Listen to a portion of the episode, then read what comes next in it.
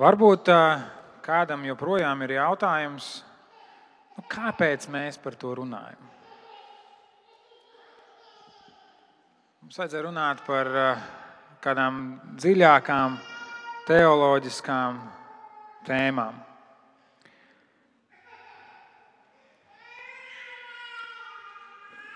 Bet no savas pieredzes es varu teikt, ka nerunājot par to, tas ir ne tikai uh,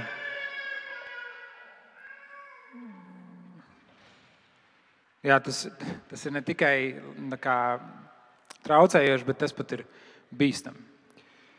Un uh, pusauģi gados uh, es kļuvu par kristieti, man bija 13 gadi. Un uh, pusauģi gados es kļuvu par kristieti draudzē, kura um, kurā dominējošais uzskats par attiecībām bija tāds, ka Dievs ir izredzējis tev otru pusīti, un tavs dzīves uzdevums ir šo otru pusīti atrast. Bet tam jānotiek ar pārdabisku atklāsmi, respektīvi, tu sēdi mājās, lūdz Dievu, un Dievs tev parādīs. Un komunikācija notiek caur garīgajām autoritātēm, nevis iepazīšanu un attiecībām. Un eh, nav tā, ka mūsu draudzē nerunāja par attiecībām. Mums 80% eh, draugu locekļi bija jaunieši, daudz jauniešu. Un par attiecībām eh, runāja, runāja diezgan daudz, bet runāja tikai to, ko nevajag darīt, ko nedrīkst darīt. Bet neviens nekad ar mums īsti nerunāja to, ko izņemot to, ka, nu, ja tev kāda meitene iepatikās, lūdzu, Dievu, ej pie mācītāja. Ja. Vispār nekas cits nebija par to. Nu, Un es no vienas puses varu, varu saprast, sevišķi ar pusauģiem, kuri, kuriem ir pavasaris galvā, hormonu vētras. Ja, un, un, un tas, tas nu, mācītāji, bija, negribu, tā bija brīnišķīga draudzene, kurā es uzaugu. Viņi daudz man ir devuši. Bet šī viena joma bija, bija tiešām traumējoša. Ja viņi grib varbūt pasargāt jauniešus no pārsteidzīgām darbībām un, un, un, un, un soļiem attiecībās, no kuriem vairs nevar atgriezties. Bet, bet, bet tāda attieksme padara um, attiecību veidošanu ne tikai sarežģītu, bet arī ļoti neveselīgu. Un, un es teiktu, pat nebiblisku. Un, un es to pieredzēju uz savas ādas. Un jebkurās attiecībās ir svarīgi iepazīt otru pusi. Un darīt to secīgā, darīt to dievbijīgā un veselīgā veidā. Un mūsu dzīve sastāv no attiecībām, un tieši tāpēc uh, mums par to ir jārunā. Jāņem Evanģēlija 8. nodaļā Jēzus saka jūdiem, ka kas ticēja viņam, ja jūs paliekat manos vārdos, jūs patiesi esat mani mācekļi, un jūs iepazīsiet patiesību, un patiesība darīs jūs brīvus. Jūs iepazīsiet patiesību, un patiesība darīs jūs brīvus. Ir dažādi veidi, kā mēs skatāmies uz savu ticību. Un reizēm mēs uz to skatāmies kā kaut kādu kopsakarīgu, kopsap, kopsakarīgu kopumu, vai sakarību kopumu, kur viena lieta noved pie otras. Citreiz mēs to skatāmies kā uz kaut kādām darbībām, vai rituāliem, vai principiem, pēc kuriem mēs dzīvojam. Bet patiesībā biblisks veids, kā uz to skatīties, ir tieši tāds, kā uz attiecībām. Kristus un viņa līgava. Attiecības starp Dievu un viņa draugu. Dabas tēvs un viņa bērni. Attiecības starp radītāju un radību. Tas ir attiecības. Viss cauri tās ir attiecības. Pat bauslību lasot, ja mēs lasām uzmanīgi un skatāmies, tad bauslība korģē ne tikai to, kāda ir tava rituāla Dieva priekšā, bet bauslība lielā mērā nosaka to, kādas ir tavas attiecības ar cilvēkiem, ar pārējo Izraēlu tautu. Attiecības. Un tad, kad mēs iepazīstam patiesību, Tā dara mūs brīvus pieņemt izvēli un sadzīvot ar realitāti. Nevis dzīvot savā iedomu pilīs un ilūzijās par mūsu ticību vai arī par mūsu attiecībām. Jo mēs savā galvā konstruējam, kad mēs ieraugam kādu cilvēku, kas mums ļoti patīk. Mēs savā prātā konstruējam par to, kāds viņš ir. Mēs izveidojam šo, šo tēlu. Un vienīgais veids, kā tikt cauri tai bildei, kuru mēs paši esam uzbūvējuši, ir šo cilvēku iepazīt. Un saprast, kas atbilst tam, ko mēs domājam, kas neatbilst. Un līdzīgi tāpat ir ar Dievu. Mēs pagājušajā gadsimtā runājām par to, ka bieži vien mēs Dievu redzam tā kā savu tēvu vai kā savus vecākus. Un, ja mūsu tēvs nebija klāts, kāds ir manā gadījumā, tad ir ļoti grūti pieņemt to, ka Dievs ir tuvu klāt. Un, ja tēvs bija vārdarbīgs, tad ir grūti pieņemt to, ka Dievs, dabas tēvs, ir labs un katram pilnīgi dāvana nāk no dabas tēva. Un mums ir svarīgi, ka mēs iepazīstam Dievu, mēs iepazīstam viens otru, lai tā, mūsu, lai tā mūsu bilde, kuru mēs esam uzzīmējuši, lai viņi iegūst pēc iespējas, um, lai viņi ir pēc iespējas tuvāk ordinālam, pēc iespējas tuvāk īstenībai. Ja neizbēgami ir tas, ka mēs uz visu skatāmies ar savām brillēm, mēs uz visu skatāmies ar savu pieredzi, un ja mēs to pieņemam un saprotam, tad mēs varam tuvāk nonākt tam, kā lietas ir realitātē. Un šodien iesākumā mēs paskatīsimies uz eh, četriem attiecību likumiem, Centīšos pavisam īsi. Kādas praktiskas lietas uz to, kā skatīties uz savām attiecībām. Un pēc tam mēs runāsim par, par iepazīšanu. Un šis pirmais likums ir krītošās efektivitātes likums. Un, es domāju, jūs visi būsiet piedzīvojuši to. Runājot ar cilvēkiem par draugu, es esmu piedzīvojis. Tā kāds atnāk uz māju vietu, un viņš saka, wow! Nu, šī draudzene baigta foršā ir. Šī nav liela draudzene, es varu pazīt viens otru, es varu veidot attiecības. Te nav tā, ka, kad, ka es pazūdu lielajā pūlī, vai, vai šī draudzene jūs esat tādi, tādi vienkārši un pieejami un var sarunāties. Un, Un, un, un cilvēks ienāk, un viņam ir tāda, tāds entuziasms par, nu, ne visi ir cilvēki, kas ienāk un saka, jūs esat galīgi garām. To es jums nestāstīšu, šodien es gribu jūs iepriecināt, bet, bet ir cilvēks, ienāk un saka, šeit ir forši. Un tad paiet kāds laiks, un viņi iepazīst tuvāk, viņi iepazīst mācītāju. Saprot, mācītājs nav nemaz tik gudrs, nav nemaz tik uh, spējīgs un, un aizmāršīgs, un, un reizēm viņš var būt nejauks, un viņš pat grēko. Un tad iepazīst kādu cilvēku kopienā un saprot, ka pats nu, tās kopienas man stāstīja, ka kopiena ir šī ciešā ģimene, kas viens otru mīl un rūpējas un ir misijā kopā. Tad tu saproti, ka tur viss kaut kas notiek un ir savstarpējās attiecības un ķīviņi un, un viss. Un, un tā realitāte tāda, ka tas, tas mūsu sākums, tā mūsu attiecība, un arī ar Dievu. Ja. Un arī ar Dievu tā ir. Mēs piedzīvojam Dievu to, ko Viņš dara, un, un tad pēc kāda laika mēs saprotam, nu, jā, ir, ir tomēr ir, ir, ir izaicinājumi, ir grūtības, ir pat ciešanas, dažādas lietas. Un, nevar piedzīvot visas attiecības tādā ilgstošā intensitātē. Un šis krītošais, krītošās efektivitātes likums caurvīs viscaur vecajai derībai. Jā, piemēram, 5. mūža grāmatā vairāk kārtīgi Dievs, Dievs runā, viņš saka, neaizmirstiet. Sargieties un uzmanīgi vērojiet, lai neaizmirstu, ko jūsu acis ir redzējušas, vai neļautu tam izgaist no sirds, kamēr vien dzīvojat. Vai arī tad nu sargieties, ka jūs neaizmirstat tā kunga sava dieva derību, ko viņš jums ir slēdzis. Sargies, ka tu neaizmirsti to kungu, kas tev ir izvedis no Ēģiptes zemes, no verdzības nama. Neaizmirsti. Viņš nesaka to, ka nu, viss tev dzīve, nē, turpini dzīvot tajā ilūzijā, ka viss ir ideāli, viss ir brīnišķīgi. Viņš saka, bet neaizmirsti to, ko Dievs tev ir darījis. Neaizmirsti to, kas, kas, kas tevi vēd, kas ir vērtīgs. Un tieši tāpēc ir svarīgi, ka mēs regulāri paudam laiku uh, Dieva vārdā, lasot Bībeli, lūgšanās, lai mēs saglabātu tūs attiecības ar Dievu. Mācītājs Bībeles pētnieks Tim Makī patiesībā saka, ka Bībele ir medit meditatīva literatūra. Tā nav instrukcija. Tā ir meditatīva literatūra, kur mēs esam aicināti pārdomāt atkal un atkal, kā pirmajā psalmā ir teikts. Mēs pārdomājam, tāpēc ka Dievs ar to runā. Mēs atkal un atkal atsvaidzinām to savu skatījumu uz Dievu. Un tev nav jālasa Bībele, tāpēc, lai tu būtu labāks kristietis, vai tāpēc, ka tā ir viena no garīgām disciplīnām, vai arī vēl kā citiem dēļ.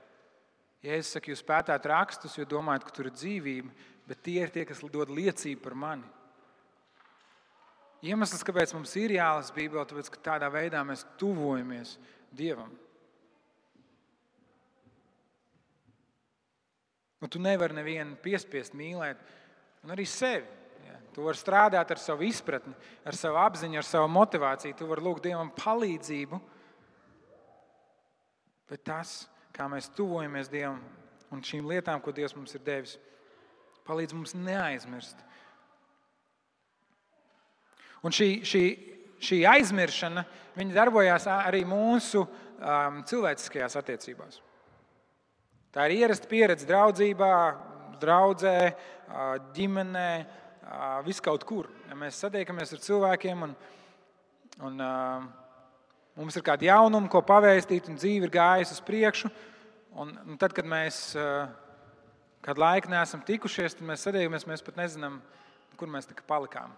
Un reizēm ir tādi cilvēki, ar kuriem mums tā iekšēji tās attiecības joprojām ir tādas tuvas, bet mēs saprotam, ka ka tur ir pagājis pietiekami ilgs laiks, lai mums būtu jādara kaut kas vēl. Un tāpat arī laulībā. Pieņemsim, ka jūs esat bijuši kādā randiņā, varbūt brīnišķīgā nedēļas nogalē, jums ir daudz patīkamu sarunu un lietas, ko jūs esat darījuši kopā, un jūs atgriežaties mājās. Kā jums liekas, cik ilgi jums būs šī tuvības sajūta ar savu sievu vai vīru? Ja jūs neturpināsiet šādu veidu sarunas, un ja jūs atkal neieplānosiet kaut kad būt kopā, tad šis pirmais likums ir krītošs efektivitātes likums. Tas tā vienkārši ir. Tas nav tāpēc, lai mēs justos slikti un visu laiku censtos nu, pumpēt augšā un turēt to mūsu simtprocentīgi tajā, bet mēs vienkārši saprotam, ar laiku tas sēžās. Un mums kaut kas šīs lietas labā ir jādara. Otrais likums ir eh, lēnas sūdzes likums. Un, kā jau teicu, mēs pieņemam to, ka tā efektivitāte krītās kaut kādās jomās un kaut kādās lietās. Un tas ir normāli. Ir dažādi posmi, jums var būt aizņemtāks laiks darbā, varbūt jums ir komandējums, jūs aizbraucat kādu ilgāku laiku projām, runājot par draugu, varbūt tā ir kāda slimība vai cita lieta, un, un jūs neesat varējuši būt tik tuvu saviem brāļiem un māsām. Um, arī ticībā varbūt ir kāds brīdis, tu ej cauri kādiem jautājumiem, kas tev ir izšaubījuši. Un, un, un, tas, un tā nav problēma, tas nav grēks. Bet problēma sākas tad, kad tās attiecības, tā efektivitāte zūd, zūd un zūd, un, un mēs to ignorējam. Tas tā paliek.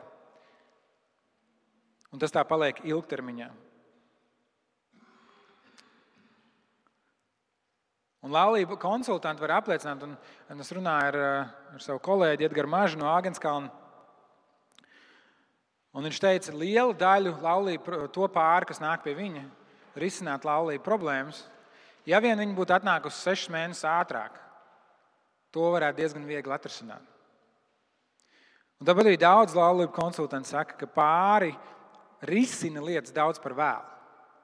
Tad, kad jau viņi ir izrekuši ierakumus, un tad, kad viņi ir nostājušies katrs savā pusē, un vienkārši viņi nāk pie mācītāja, lai pateiktu, nu, kuram tad bija taisnība, vīram vai sievai. Bet, ja ir izsināts šīs problēmas, tad, kad jau ir pirmās norādes par to, ka ir sūds, ja, jo, ziniet, tad, kad ja laivā ir sūds, es nezinu, cik daudz no jums ir airējuši, piemēram, laivā, kurā ir sūds. Es esmu. Ja tā sūds ir maziņa, tev pietiek ar vienu tādu mazu plasmas spainīti, tu pārē, izsmēl ārā ūdeni, pārē, tu vari braukt, tu vari lietot to laivu. Bet tā laiva ilgi ir stāvējusi, un tas ūdens ir līdz malām, kas notiek to laivu. Nogrimst. Un tad tu vairs nevari neko izsmelt. Viņi ir zem ūdens, tev viņi ir jāizceļ ārā, jāizlai un jāremontē. Un reizēm laulībā, mūsu attiecībās, arī attiecībās ar draugu, ir kaut kāds brīdis, kad mēs esam bijuši tik ļoti atstājuši novārtā attiecības, kad laiva jau ir zem ūdens. Trešais um, attiecību likums ir risinājums pirmajiem diviem likumiem, proti, pastāvīga korekcija likums. Un šeit arī mēs varam paskatīties vecajā derībā, ko tad Dievs dara. Tad, kad nu, viņš, viņš brīdina, viņš saka, tautai, neaizmirstiet, neaizmirstiet, neaizmirstiet. Bet viņš saka, nu kā, kā, jūs, kā jūs varat neaizmirst? Un, uh, viņš saka, pieminiet. lai jūs pieminētu un pildītu visus manus baušļus, un jūs būtu svēti savam dievam. Pieminēdams, piemin to, ko tas kungs, tavs dievs, ir darījis faraonam un visiem eģiptiešiem. Bet piemin to kungu savu dievu, ka viņš ir tas, kas dod tev spēku, iemantot bagātību, lai stiprinātu savu derību, ko viņš ar zvērstu bija apsolījis taviem tēviem, kā tas šodien ir. Pieminiet. Tāpēc mēs bieži vien runājam, un arī šajās kopienas svētdienās ir šīs īsās sētrunas par kādu no evaņģēlīja aspektiem. Jo mums ir jāsaprot, ka evaņģēlījis nav tikai kaut kas, ko mēs sludinām nekristiešiem ko mēs sludinām cilvēkiem, kas Dievu nepazīst. Tā nav vienkārši kaut kāds evanģēlis, nav vienkārši īss Dieva vārdu konspekts par to, kas ir Dievs. Un tad mēs to kā prezentāciju. Evanģēlis ir kaut kas, kas palīdz mums tuvoties Dievam. Un mācītājs Jeffs Vanders Telts, kādu no jums zina, viens no Soma draudzes bijušiem vadītājiem, dibinātājiem. Viņš ir sarakstījis tādu grāmatu, kas saucās Gospel Fluency. Un tā ideja ir tāda, ka tā kā, tāpat kā mēs runājam svešvalodā tekoši, nu, piemēram, angļu valodu vai krievu valodu vai kādu citu valodu, ko mēs pārvaldam, tāpat arī mēs runājam evaņģēlijā tekoši. Mēs mācāmies, trenējamies runāt evaņģēlijā. Mēs atgādinām evaņģēlīju viens otram. Mūsu padomus tikšanās reizēs bieži vien Tomas ir tas, kurš saka, mēs atceramies, mēs sēžam un mēs domājam par tiem milzīgiem rēķiniem, mēs domājam, ko mums darīt. Un Tomas saka, bet atcerieties, Tie draudz ir Dieva draudz. Viņš viņu ir izglābis, viņš viņu ceļ, viņš viņu veido.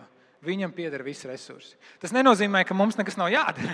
Mums vienalga ir jānonāk pie kāda lēmuma, bet mēs noņemam no sevis to stresu.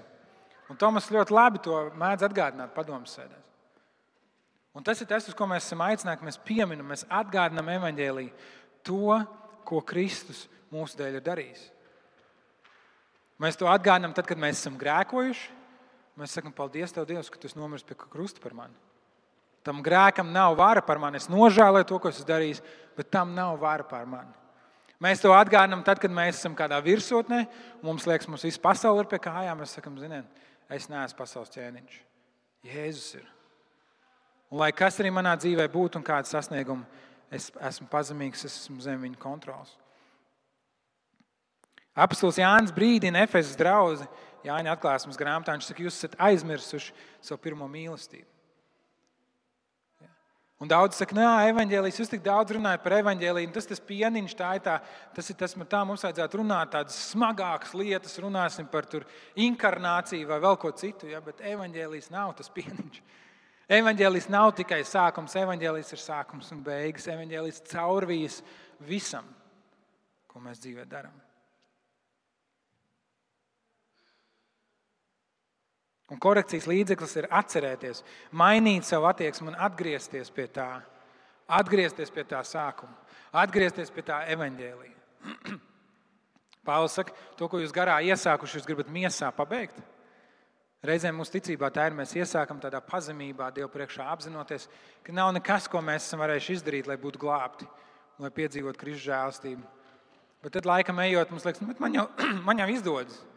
Man izdodas to, to Bībeles lasīšanas plānu, iet uz priekšu, un man izdodas tāds labs ritms ar lūkšanu rītā un vakarā. Un, un man izdodas kādiem cilvēkiem par Dievu pastāstīt, un, un tad mēs tā neapzināti sākam likt tos uzplečus un krājam tās zvaigznītes, un man jau izdodas, un man jau izdodas.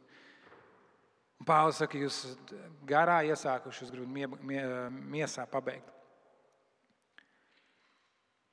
Un tāpat ir arī mūsu attiecībās ar cilvēkiem vai laulībā.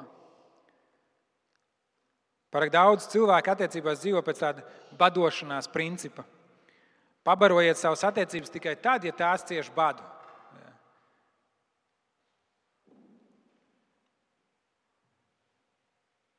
Pāri ieklausieties, varbūt šis jums būs pazīstams. Dzīve ir kļuvusi drudžaini, steidzīga.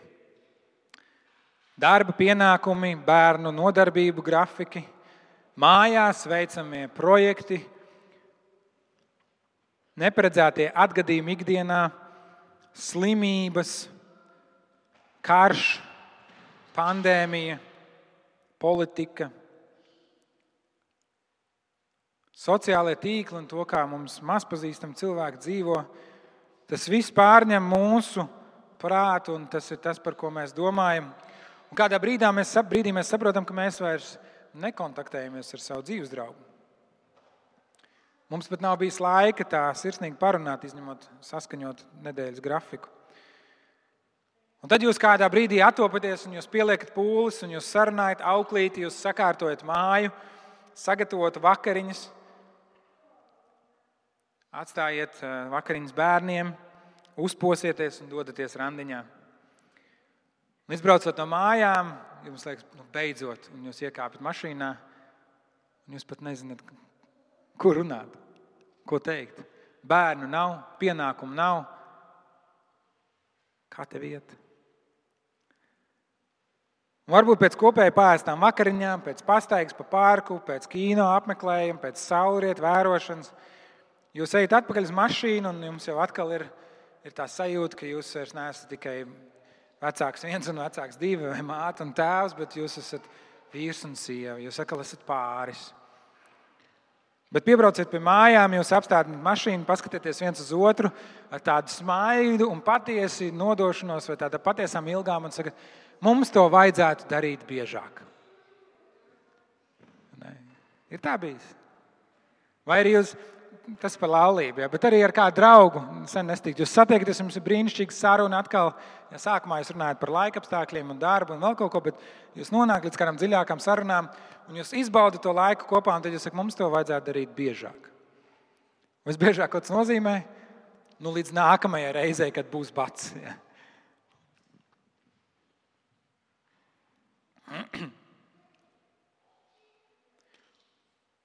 Un šī badošanās attiecībās ir tāda neizteikta, vārdos neizteikts pamatprincips, un tā ideja ir tāda, ka lietas jau nokārtosies pašas no sevis. Bērni paaugsies, vai beigsies skolas gads, vai pabeigsim māju būvēt, darbā šis projekts pāries, vai, vai beigšu slimot, izvesaļošos, un tad jau, tad jau lietas atkal būs normāli. Viņas jau nokārtosies.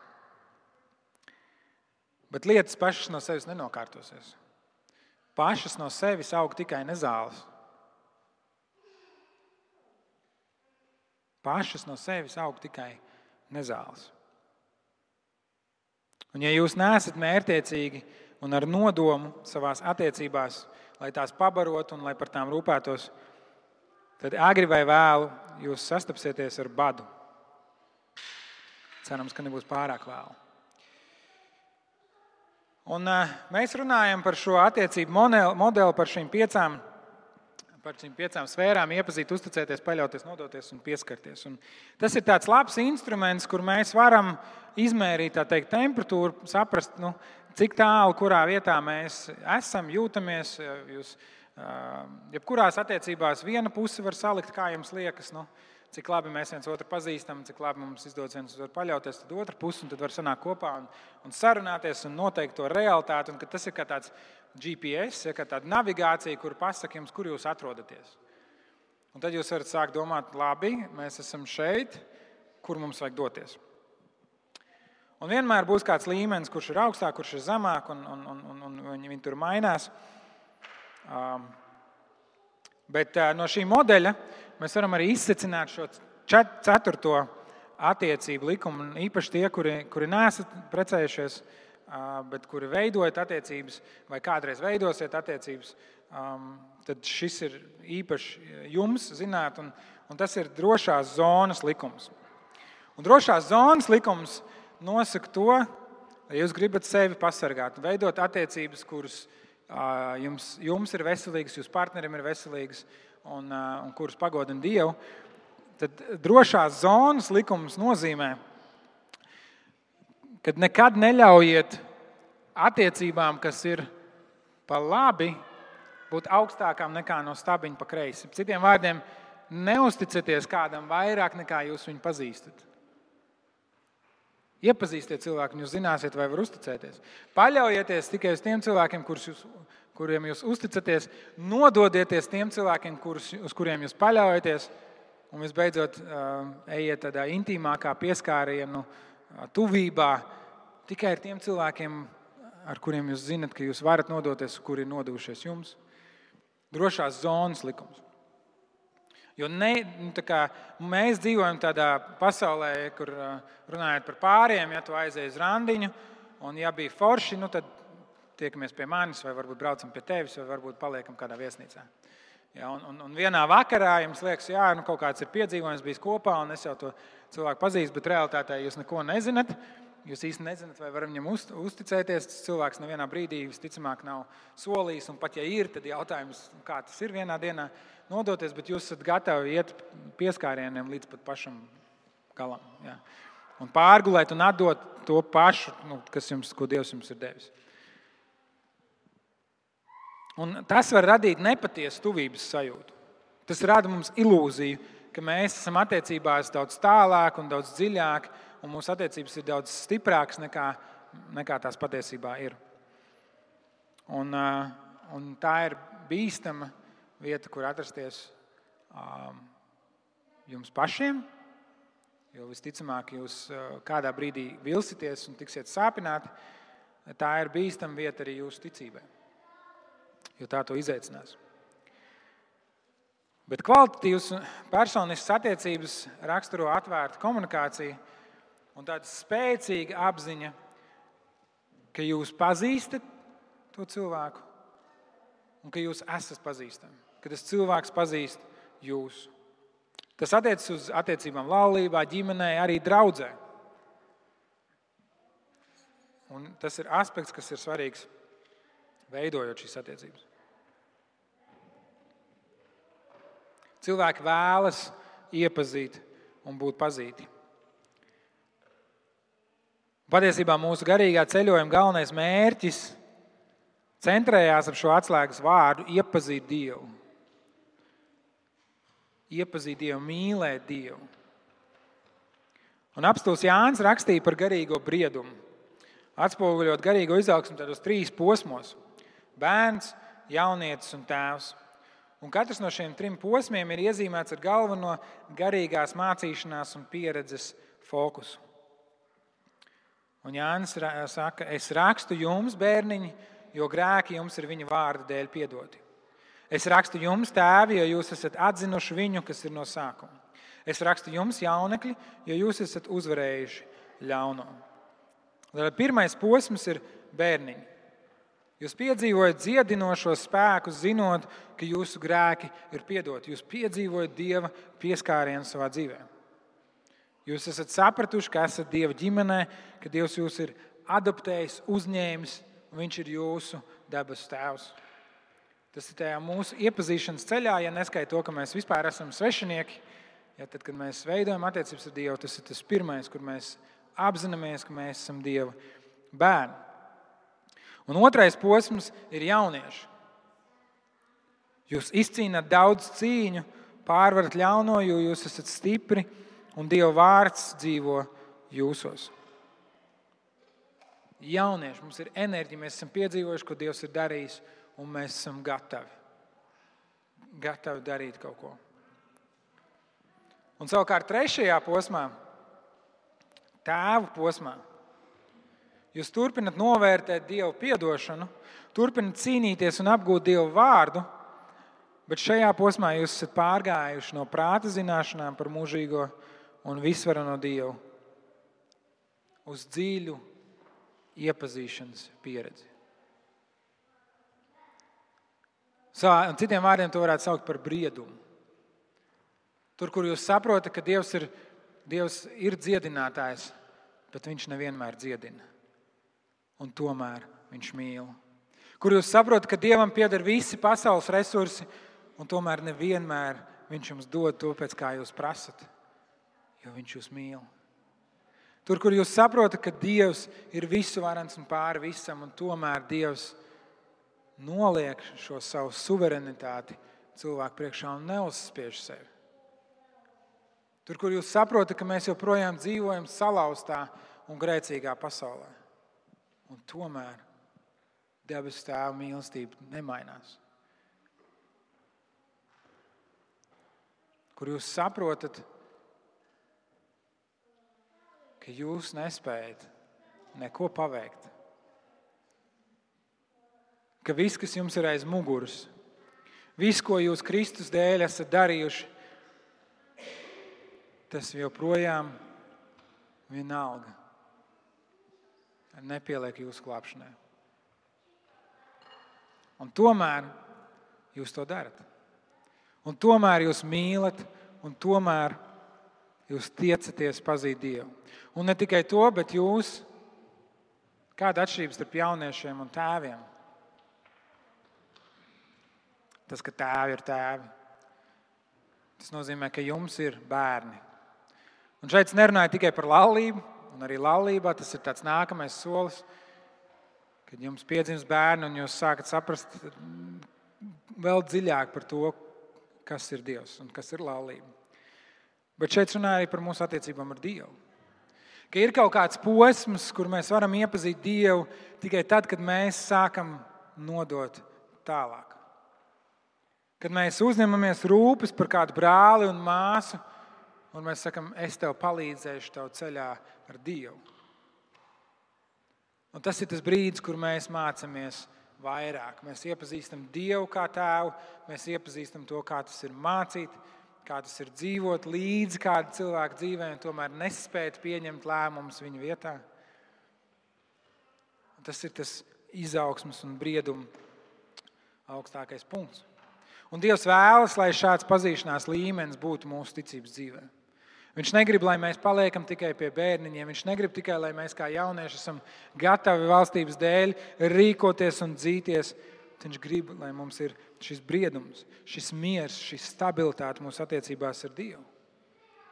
Un tāpat Dievs vēlas, lai šāds dziļums būtu arī mūsu attiecībās ar citiem cilvēkiem. Ka mēs, esam, ka mēs pazīstam un tik un tā mīlam. Mēs pazīstam un tik un tā mīlam. Un, ja būsim godīgi, tad visbiežāk dažādās attiecību jomās mēs to neesam satvēruši. Un pandēmija bija spilgts piemērs tam. Vakardien BPI es nestāstīšu daudz, bet tur bija kāds brālis, kurš liecināja par to, cik ļoti pandēmija izjauca viņa attiecības ar citiem kristiešiem. Tāpēc, ka vakcinācijas jautājums pēkšņi bija augstāks par debesu valstības jautājumu.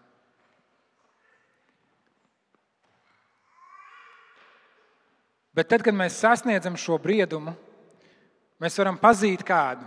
Mēs varam zināt, ka viņa viedoklis atšķirās, viņa dzīves kaut kādi principi atšķirās.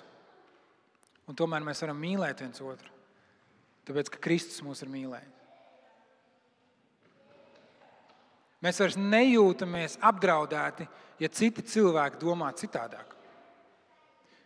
Mēs varam runāt par viedokļiem, par lēmumiem. Mēs varam diskutēt, un tas neizšauba mūsu ticību. Tas neliek mums dusmās iedegties pret otru cilvēku. Tas neliek mums izrakt ierakumus un nostāties pret viņu. Bet patiesībā tas mums liek viņam tuvoties. Tāpēc, ka Dievs ir tāds pret mums. Padomājiet par to. Mums visiem liekas, ka Dievs ir manā pusē. Lai par kuru jautājumu mēs runātu, mums visiem liekas, viņš ir mans debes tēvs, viņš ir manā pusē. Jebkurā sarunā, jebkurā strīdā starp vīru, sievu, starp draugiem, um, starp uh, kopienām, starp locekļiem kopienās, starp teoloģiskiem, mums visiem liekas, ka Dievs ir manā pusē. Bet patiesībā Vārds saka, mēs visi esam grēkojuši.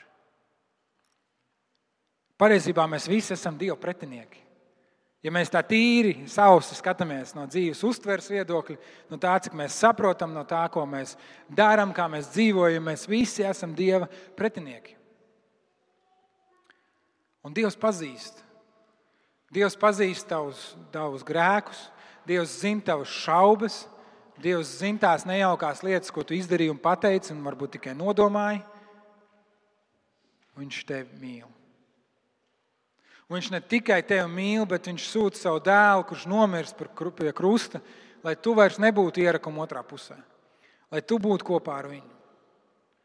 Tāpēc, ka Dievam, Dieva mīlestība ir šī pilnīgā mīlestība, šī brieduma mīlestība, šī tēva mīlestība, kur viņš saka, es zinu, ka tava ticība nav pilnīga. Es zinu, ka tava teoloģija ir garīgi, galīgi garām. bet es tevi mīlu. Un tas ir tas, uz ko mēs varam tiekties savā attiecībās. Kur es saprotu, ka tas, kā tu domā, ja, un precētie pāri, uz kuru pusi toletē jāliek tolets rullīts? Pret sienu vai prom no sienas? Un es zinu, ka tu domā nepareizi, jo, protams, ka prom no sienas. Bet es tev tāpat mīlu. Un ir, tas ir muļķīgs piemērs, bet, bet bieži vien tieši muļķīgi piemēri dēļ pārējiem sāk strīdēties un izceļās ārā kaut kas, kas pašā pamatā nav salabots. Un ka mēs varam tiekties uz tādu dievu pazīšanu, viens otru pazīšanu, kur mēs sakām, es tevi pazīstu. Un varbūt es kaut kur tev arī nepiekrītu. Bet es esmu mierā ar to. Jo mans debes tēvs ir mīlējis mani un pieņēmis mani. Un es tiecos mīlēt un pieņemt tevi.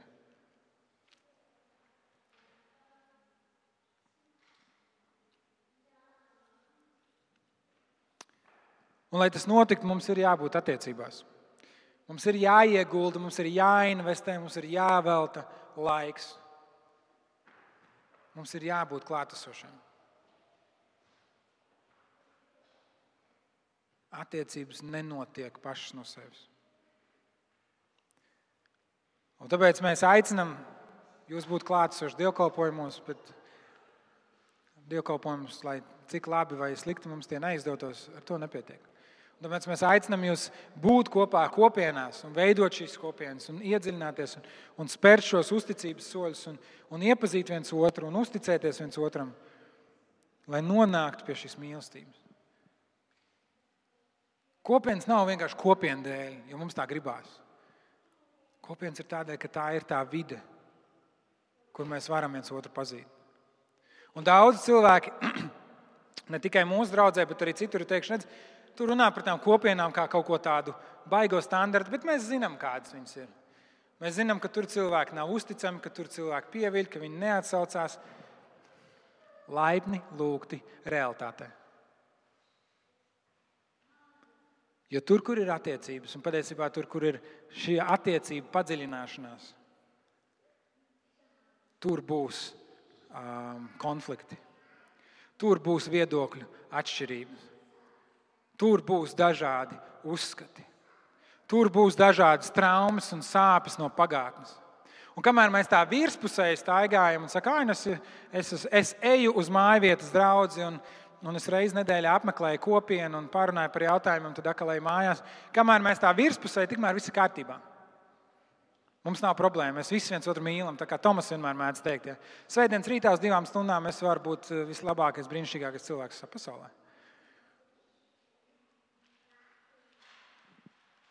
Bet tur, kur notiek šī iedziļināšanās, tur, kur notiek šī iepazīšana, neizbēgami būs kaut kas, kur, kas mums izsitīs korķus. Nu, kas mums traucēs, kas mums sāpēs, kas mums kaitinās. Neizbēgami. Mīļie, tā ir iespēja mīlēt. Tā ir iespēja mums pieaugt. Un citreiz mēs to ieraugām, mēs sakām, šis nestrādā. Tas ir galīgi garām, un es negribu to, jo ja tik neglīti var notikt draudzē, tad es negribu būt daļa no tā laipni lūgti realitātē. Ja jums draudzē visi patīk, un viss ir forši, un neviens jūs nekaitina, un jums nekad ar nevienu nav strīdi, kaut kas nav kārtībā. Kaut kas nav kārtībā. Manā laulībā tā nav, un es mīlu savu sievu vairāk par jebkuru cilvēku šajā pasaulē, un es esmu nodevies viņai Un es esmu apņēmies darīt visu iespējamo, lai mūsu laulība būtu ne tikai ilgstoša, bet lai viņa būtu laimīga. Bet man pat ir sieva, nav vienmēr tā, ka man viss ir kārtībā. Un es ļoti labi zinu, ka viņai ar mani ir tieši tāpat, un vēl vairāk noteikti. Tad kur nu vēl draudzē? Laipni lūgt realitātē. Nav īsteļu. Attiecības ziņā nav tāds McDonald's, kur var ātri visu dabūt gatavu. Attiecībās viss ir lēnvārs, kas prasa laiku un nodošanos. Un es gribu izlasīt jums jēkaba, fragment no Jēkabas vēstules, no 4. nodaļas, 7, 8 un 10 pāns. Tad nu pakļaujieties Dievam un stājieties pretī vēlnam, un tas bēgs no jums. Tuvojieties Dievam, un Viņš tuvosies jums. Notīriet rokas grēcinieku un šķīstiet sirdis jūs, kas esat divkoši dvēselē. Pazemojieties kunga priekšā, un viņš jūs paaugstinās.